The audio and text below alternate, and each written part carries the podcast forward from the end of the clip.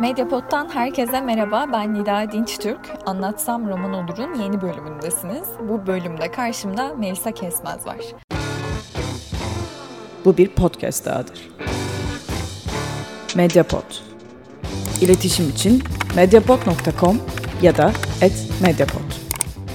Daha önce bazen Bahar ve Atları Bağlayın Geceyi Burada Geçireceğiz kitaplarından tanıdığımız Melisa Kesmez'in yeni kitabı Nohuto'da yine Sel yayınlarından çıktı.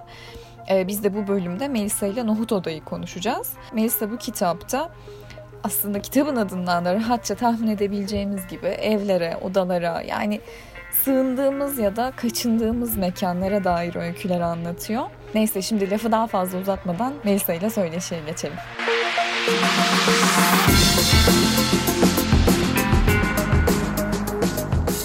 Merhaba. Merhaba. Hoş geldin. Hoş bulduk. Ee, Nohut Oda'yı okuduğunda aklında beliren ilk soru senin için ev neresi, ev nasıl bir yer? Hmm, benim için ev kendimi e, dışarıdan uzaklaştırabildiğim, kaçabildiğim bir yer. E, bu fiziksel olarak şu an içinde yaşadığım ev de olabilir. E, ama e, bu e, atıyorum 2-3 gününe gittiğim bir tatilde kendimi içinde iyi hissettiğim bir otel odası da olabilir. Ya da e, ne bileyim başka her bir çalışma masası olabilir. Ama illaki galiba benim için biraz fiziksel bir şey ev. Yani e, öyle dünyanın dünyayı dolaşıp dünya senin evindir e, diyebileceğim bir yer değil. Daha muhafazakar bir şey benim için ev dediğim yer. Zaten aslında senin e, öykülerinde de özellikle Nohut Oda'da şu duygu çok hissediliyor. Bence böyle e, bütün gün o dünyanın trafiğine karışıp, o rutine dahil olup ama sonrasında bütün uzuvlarını içeriye çekip kendi kabuğunda dışarıdaki tüm kargaşayı bertaraf ediyormuşsun gibi bir hal hissediliyor. Böyle mi yaşıyorsun? Ya evet aslında e, bu kadar asosyal birisi değilim. E, yani o e, kitaptaki duygu kadar tabii ki o benim kurduğum bir dünya. Ama muhakkak benden bir şey taşıyor.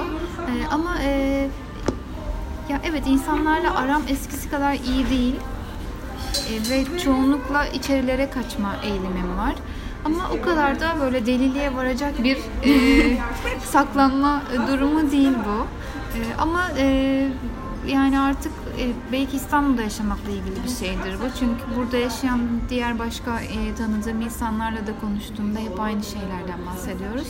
Biraz daha herkes ev, evine kaçma e, halinde son dönemde. Belki birkaç yıldır daha arttı bu. E, yani kendi evimiz, kendi duvarlarımız, e, kapının arkasında olmak, işte e, istediğimiz müziği duyabildiğimiz, e, istediğimiz insanlarla sohbet edebildiğimiz alanlara kaçmak.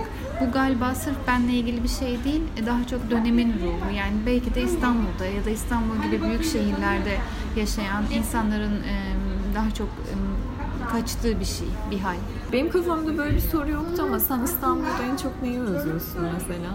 Hmm, İstanbul'da ben e, yani az önceki sorunun biraz devamı gibi olacak ama sokakta olmayı özlüyorum. Yani sokakta olup da itişip kakışmamayı, e, kendime bir sandalye, bir masa bulabilmeyi bir kenarda ya da birileri tarafından keyfimin kaçırılmadığı bir e, gün yaşamayı. E, ne bileyim gençliğimde e, ben Beşiktaş'ta okudum Mimar Sinan'da ve benim için Beşiktaş ve Beyoğlu e, okuldaki dersler bittikten sonra her zaman e, kaçtığımız semtlerdi. E, özellikle Beyoğlu e, yani bilmiyorum ama e, şimdikiyle kar- karşılaştırılacak gibi değil. Belki de o zaman e, ki insanlar da siz eski Beyoğlu'yu görseydiniz keşke diyorlardı ama e, bir noktada e, yani sokak kesinlikle ve kesinlikle artık aynı yer değil. En çok onu özlüyorum. Yani dışarı, dışarıda iyi, iyi kendimi iyi hissetmeyi. Ee, Nohut Oda'da kabuk metaforu benim çok hoşuma gitmişti. Zaten aslında sana da soru sormaya böyle başladım. Hepimizin bir kabuğu olduğunu düşünüyorum. Ee, senin kabuğunu neler oluşturuyor? Ne koruyor seni? Hmm, beni Aslında bu e, hem çok zor bir soru hem çok kolay bir soru. Bir çırpıda da cevap verebilirim ama galiba beni hayatımdaki birkaç tane insan koruyor. Yani o benim çevremde sayısı onu geçmeyecek kadar azalmış e, bir kitle e, var ve bunlar benim arkadaşlarım, ailem. Ve onlar olmasa bir sürü şey çok farklı olurdu tabii ki. Yani evet kendime kurduğum o küçük ada o küçük dünya beni koruyor galiba. Kabuğum onlar. Güzelmiş. Peki, e, şehirden bahsettik, kalabalıktan bahsettik. Sen şey sorayım mı sana gitmek mi zor kalmak mı? Gidenlere ve kalanlara soralım. Ya bilmiyorum ki. Bence gitmenin gitmenin kolay olduğu anlar vardır.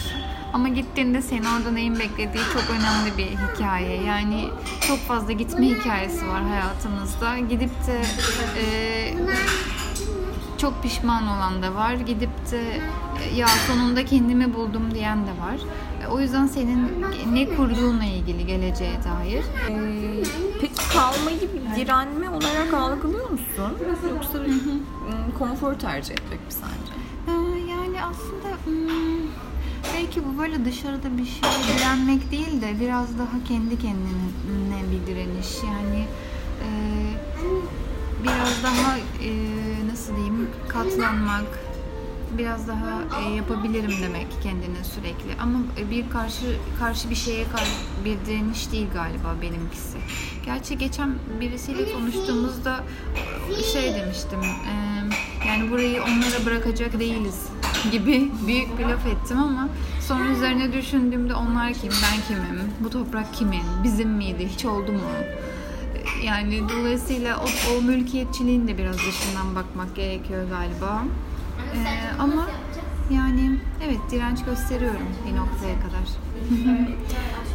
Peki e, senin üç kitabındaki öykülerde de ben aslında eşyalarla kurduğun bağları çok Hı-hı. sevdiğini, o öykülerde önemli düğümler olduğunu Hı-hı. hissettim.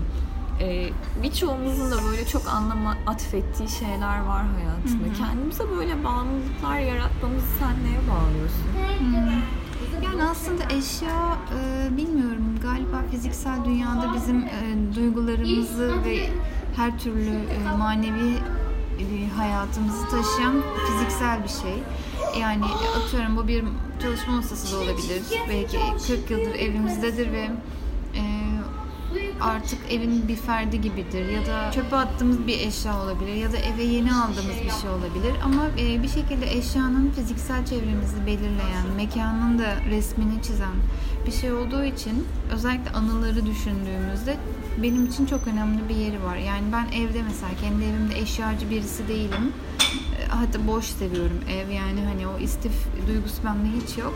Ama e, yani geçmişi hatırlamaya çalıştığımda ya da kendi çocukluğumu ilk önce eşyalardan başlıyorum hatırlamaya. Yani işte bizim turuncu bir yatak örtümüz vardı değil mi anne diyorum. Sen onlardan hatırlıyorsun diyor. Yani önce o odanın içindeki o şey sonra arkasından oradaki hikaye, duygu neyse geliyor aklıma. Ee, doğayla kurduğum ilişki de Nohut Oda'da çok dikkat çekiyor. Öncesinde böyle miydi? Bence değildi. Nohut Oda'da daha çok ortaya çıkıyor. ya evet. Galiba bu bizim yine e, dönemin ruhuyla ilgili bir şey. Yani dev bir ekolojik krizin içindeyiz. Tabii ki bu çok küresel bir şey ama yani küresel olan kısmını bir kenara koyarsak kendi yaşadığımız ülkede ve şehirlerde e, tabii ki Taşra'da yani müthiş bir talan söz konusu ve e, en kötüsü de doğanın geri dönüşü yok. Yani varsa da bizim ömrümüzün görmeyeceği bir geri dönüş o. Dolayısıyla bu beni e, inanılmaz etkiliyor. Yani çocuğumu kaybetmiş gibi hissediyorum. Yani bunu söylemek çok büyük bir şey belki. Bir anne beni e, şey yapabilir, e, nasıl diyeyim, eleştirebilir bunu söylediğim için. Ama e, yani benim çok e, nasıl söylesem bir, böyle bir 6-7 yıldır sürekli takip ettiğim haber siteleri var ve bu sitelerde ilk önce ekolojik haberleri okuyorum, çevre haberlerini okuyorum işte hayvanlar öldürülmüş, ağaçlar kesilmiş, ormanlar talan edilmiş ve bunun dışındaki ülkedeki neredeyse hiçbir şeyle ilgilenmiyorum. E bu da ister istemez galiba o yazdığın öykünün de fonunu oluşturuyor. Yani ben o yıkılma duygusuyla yaşadığım için öykünün de başına oturduğumda hep orada bir doğa, doğaya özlem ve biraz da galiba bir sürü şeyi de doğayı kullanarak anlatma hali. Yani işte bir çiçeği, bir ağacı betimlerken duyguları tarif etme. Ama e, evet bu yeni bir takıntı olmasa da benim için çok güçlendi sanıyorum son dönemde. Yani evet olmayan şeyi özlüyor ya insan etrafta. Onunla ilgili bir şey sanıyorum. Bağımsız medyaya destek olmak için patreon.com slash medyapod. Medyapod'un podcastlerine ulaşmak için Spotify, Google Podcasts, iTunes ve Spreaker'a bakabilirsiniz. Aslında sen ebeveyn figürleriyle çok uğraşıyorsun bence. Böyle çok bilmiş bir tespit yaptım Yo, şu an ama. evet, İlk evet, yani. kitaptan hı. beri ben bunu çok hissediyorum sende. Nohut Oda'da da Aa, evet ben ilk kitap okuduğumda da bu duyguyu yaşamıştım dedim. Ya çocukluğumuz boyunca model aldığımız ya da kahramanlaştırdığımız insanların aslında öyle olmadıklarıyla yüzleştiğimiz anlara dokunuyorsun sen. Ee, bu anların bizim hayatımızda nasıl yeri var? Yani bu galiba bizim ilk kez e, büyüdüğümüz anlar oluyor gerçek anlamda. E, yani bir babanın ağladığını görmek ya da bir annenin e, ilk kez ben artık yapamayacağım, dayanamıyorum dediğini duymak hiç kolay bir şey değil. E, çünkü annelik ve babalık belli bir yaşa kadar kendini çocuğunun gözünde kahraman olarak göstermek demek. E, kendini öyle var ediyorsun çünkü bir çocuğun hayatında. Ama e, o da bir noktadan sonra sökemeyebiliyor ki çocuk da büyüyor ve her şeyi fark etmeye başlıyor. Senin artık ona attığın yalanları yememeye başlıyor. Ben kendim adıma düşündüğümde ben çok üzüldüğümü hatırlıyorum. Yani benim e, dünya başıma yıkılmıştı. Yani iyi iyi olduğunu sandığım şeylerin aslında o kadar iyi olmadığını, birilerinin bana e, mış gibi yaptığını fark ettiğimde çok üzüldüğümü hatırlıyorum. Yani çocukluktan kalma e, büyük bir duygu bu benim için. E, ama daha sonra yetişkinlik zamanında geri dönüp baktığında da beni ben yapan anlar yani benim kişiliğimi o yönde geliştiren bana e, şu an sahip olduğum mesela empati duygusunu kazandıran işte e, bana herkesi anlama becerisini kazandıran an- ya da anlamaya çalışma becerisini kazandıran bir şey olduğunu görüyorum. Ee, aslında şey de konuşmak istiyorum. Ee, plaza insanlarının dünyasını, sosyal medyayı. Çünkü çok tasarlanmış hayatlar bunlar ve sen yer yer onlara da dokundurmalarda bulunuyorsun. Ee, peki sence neden kendimize bunu yapıyoruz? Mesela neden tasarlanmış hayatların içine adapte olmaya çalışıyoruz ki gerçek bir mutluluk vaat etmediğini bile bile. Ya aslında galiba bu eğitim yani okul çağları ile birlikte başlıyor. İster istemez senin içine çekildiğin bir şey. Yani belli bir rutinin içine girdiğinde e, işte e, ilkokula başlayıp üniversiteye kadar devam eden seni hep zaten sistem o işi edinmek üzere e, yetiştirdiğini iddia ediyor. Yani işte senin iyi bir semtte yaşamanı sağlayacak, iyi bir arabaya binmeni sağlayacak, belki e, 3-4 kişilik bir aile kurmanı sağlayacak, maaşı kazanmanı e, sebebiyet verecek işi bulman. Bunu e, yaşamak için ta 7 yaşından 6 yaşından itibaren yetiştiriliyorsun yani bir yarış atı gibi belki. Dolayısıyla sen ne zaman o işe girme yaşına geldiğinde sanki en baştan beri istediğin şey buymuş sanıyorsun. Çünkü seni böyle büyüttüler. Ee, ama e, e, belli bir nokta ge- ge- geldiğinde artık onun senin için yani şey düşünüyorum o beyaz yaka rüyasına inanan e, kişinin herkesin bence bir an geliyor ki e, ya bu dünyanın en saçma şeyiymiş diyor. Yani bunu diyen kişi bir CEO da olabilir, e, dünyanın parasını kazanan başka birisi de olabilir, e, çok başarılı biri olabilir, çok başarısız biri olabilir ama ben o dünyanın içinde yaşayan herkesin o duvara çarptığını düşünüyorum. Kimisi duvara çarpmaya devam ediyor ve öyle emekli oluyor. Kimisi de aklını yitireceğini düşünüp istifa ediyor.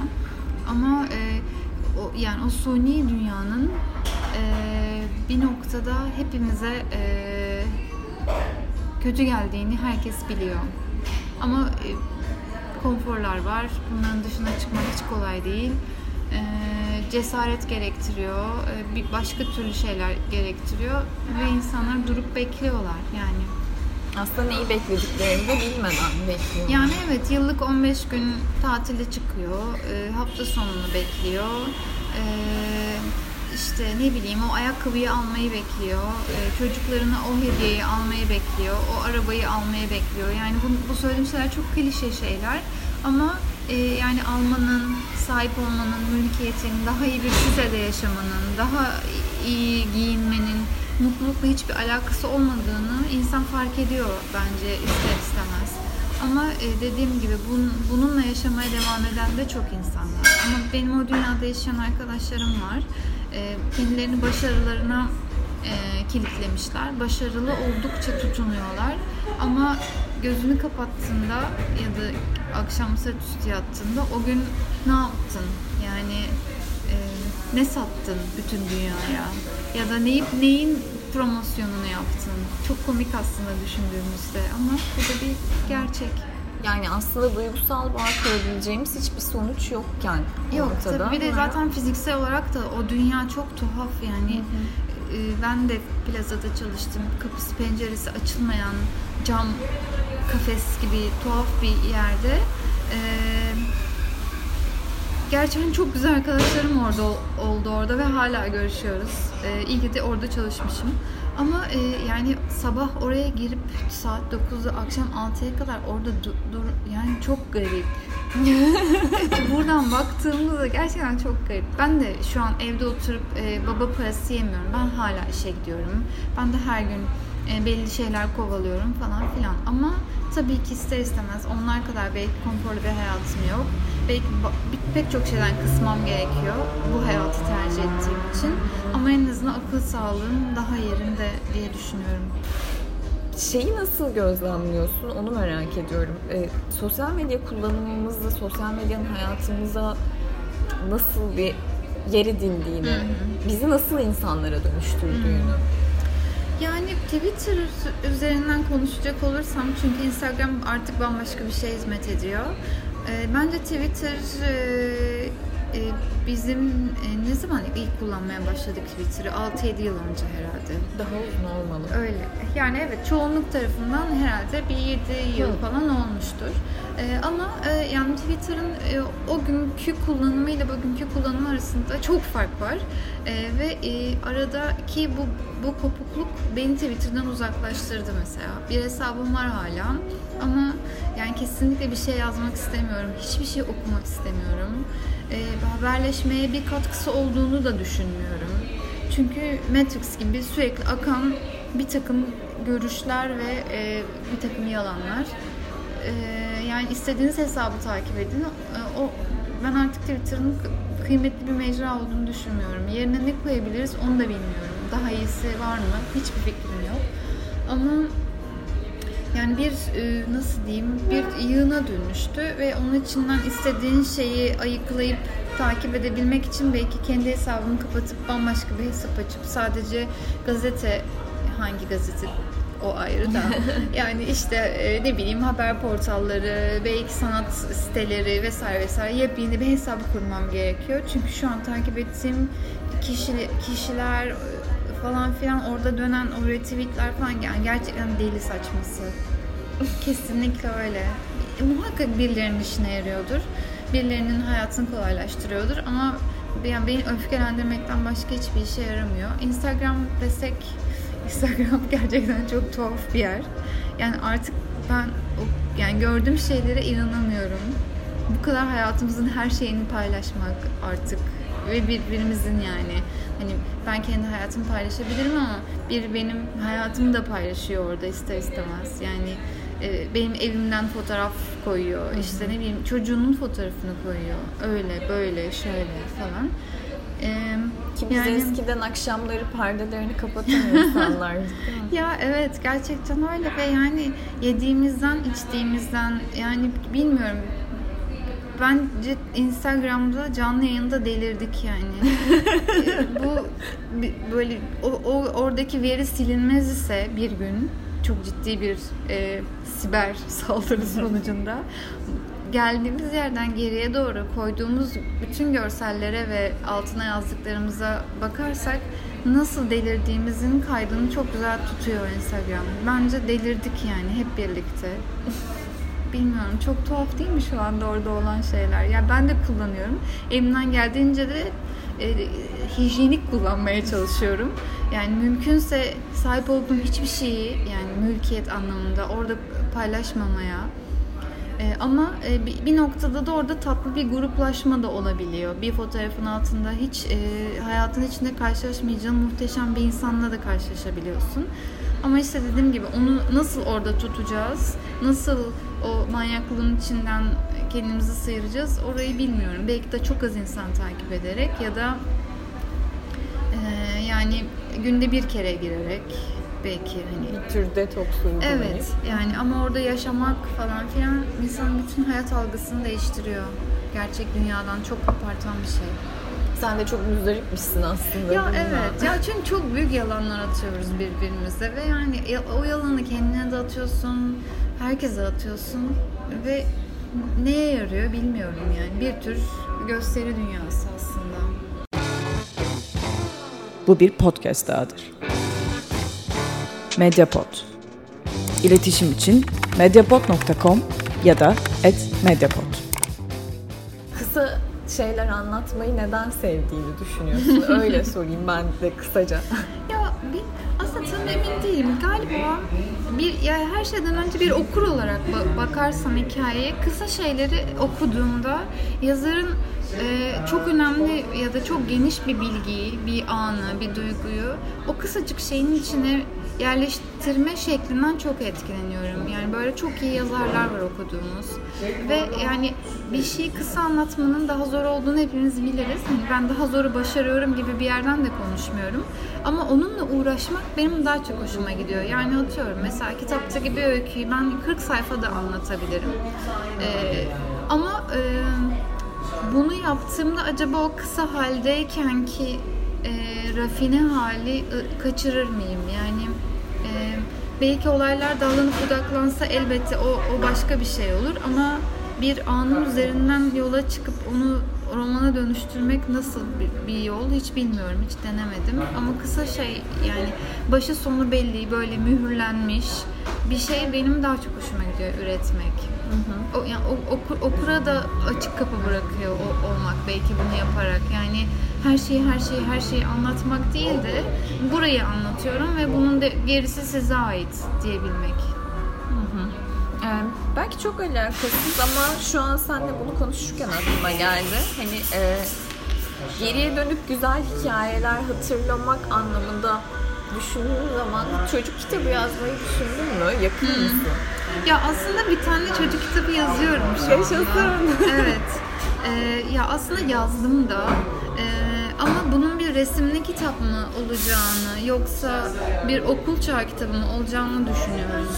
E, Nesin Yayın Evi'nden çıkacak büyük ihtimalle. Çünkü orada çalışıyorum. e, ama e, yani şey e, biraz hiç böyle o kasım çalışmıyor benim. Yani bir şeyi çocuğa nasıl anlatırsın ama onu çocuk yerine de koymadan.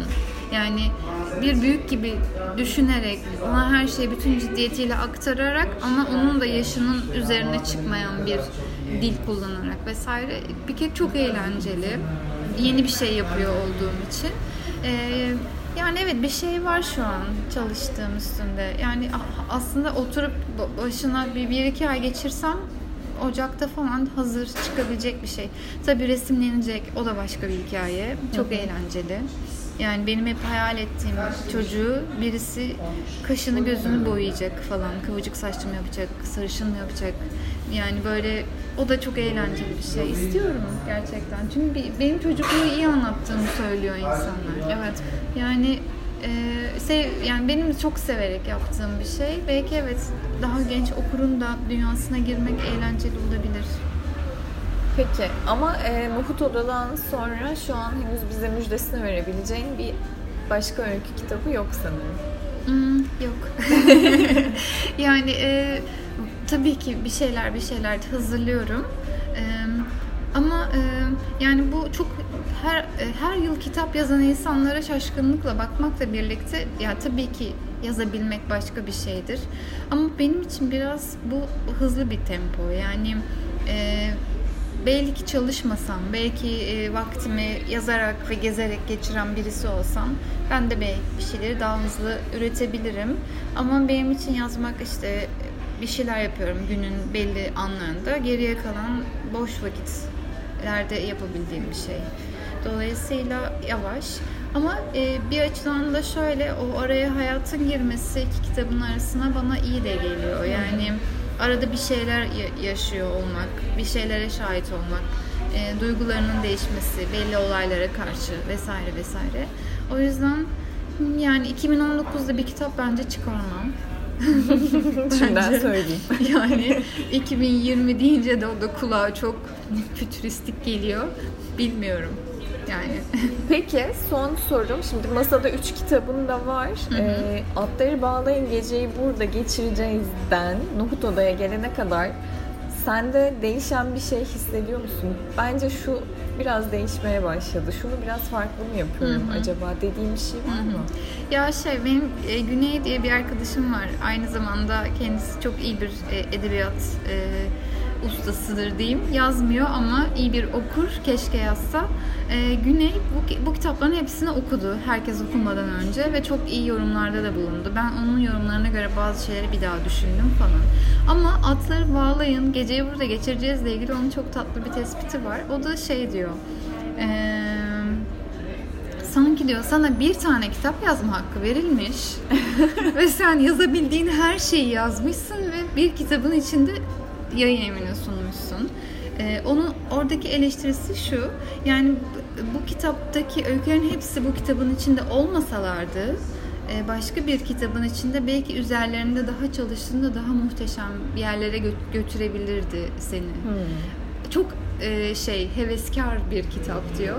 Ama ben onun bu söylediği şeyi e, e, kötü bir şey gibi algılamıyorum. Yani bir ilk kitap muhakkak çok heyecanlı ve heveskar bir kitap.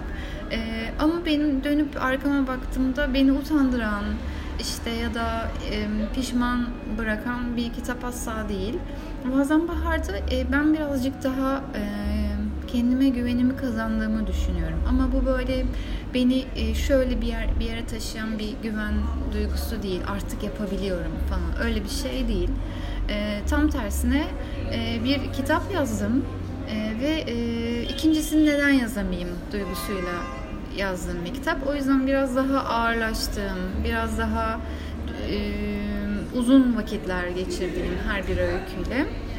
E, Nohut Oda'da ise e, biraz tematik düşündüm. Yani aslında bu ilk, ilk iki kitapta öyküler bir yerde biriktiler ve bir dosyanın içinde buluştular ama Nohut Oda biraz daha benim en başından daha hiçbir şey yazmamışken ya ben bu ara bu mekan meselesine çok taktım. Bu ev meselesi benim kafamı çok kurcalıyor. Bir de bu dünyanın şu an en önemli konusu yerleşmek, gitmek, mültecilik vesaire, göç falan filan. Ben niye bu konu üstüne düşünmüyorum dedim ve bu konu üzerine biraz okuma yaptım. Zaten ben sosyoloji, ben sosyoloji mezunuyum ve sosyolojide de benim en çok etkilendiğim alan hep kent sosyolojisi. Ee, aile sosyolojisi ve onlar üzerinden mekan ve insan ilişkisi ol, olmuştur. Dolayısıyla o günlerdeki okumalarıma birazcık geri döndüm. E, ve şey oldu, e, daha derin bir kitap oldu. Yani yine benim daha bilge bir yazar olarak ortaya çıktığım bir kitap değil. Ama e, konular itibariyle e, bu e, ilk iki kitaba göre biraz daha e, nasıl diyeyim karakterlerin kafasının içinde daha çok dolandığım galiba. Böyle böyle romana doğru mu gidiyor diyorum ama hayır bu bence bir öykü evrilerek romana dönüşmüyor. Hı hı. Yani roman başka bir şey. Bir öykü uzayarak roman da olmuyor. Hiç roman yazmadım. Yazabilir miyim onu da bilmiyorum ama e, yani şimdilik bir üç kitaptan e, böyle bir yol, yol gör, göründü bana. Çok güzel bir yol görünüyor. Yani bakalım dörtte artık ne yazacağız. Peki çok teşekkür ederim ben teşekkür Melisa. ederim. Sağ ol. Anlatsam Roman Olur'un bu bölümünde konuğum Melisa Kesmez'le Sel yayınlarından çıkan 3. kitabını Hudoda'yı konuştuk. Bu kaydı şu an nereden dinlediğinizi bilmiyorum ama aynı zamanda Spotify'da, Apple Music'te, YouTube'da ve Spreaker'da da olduğumuzu hatırlatmak istiyorum. Mediapod'daki bağımsız yayınlarımızın devam etmesini istiyorsanız bizi Patreon hesabımızdan destekleyebileceğinizi de hatırlatmak istiyorum. Çünkü destekleriniz bizim için çok önemli. Yeni bir Anlatsam Roman Olur'da görüşünceye dek hoşçakalın.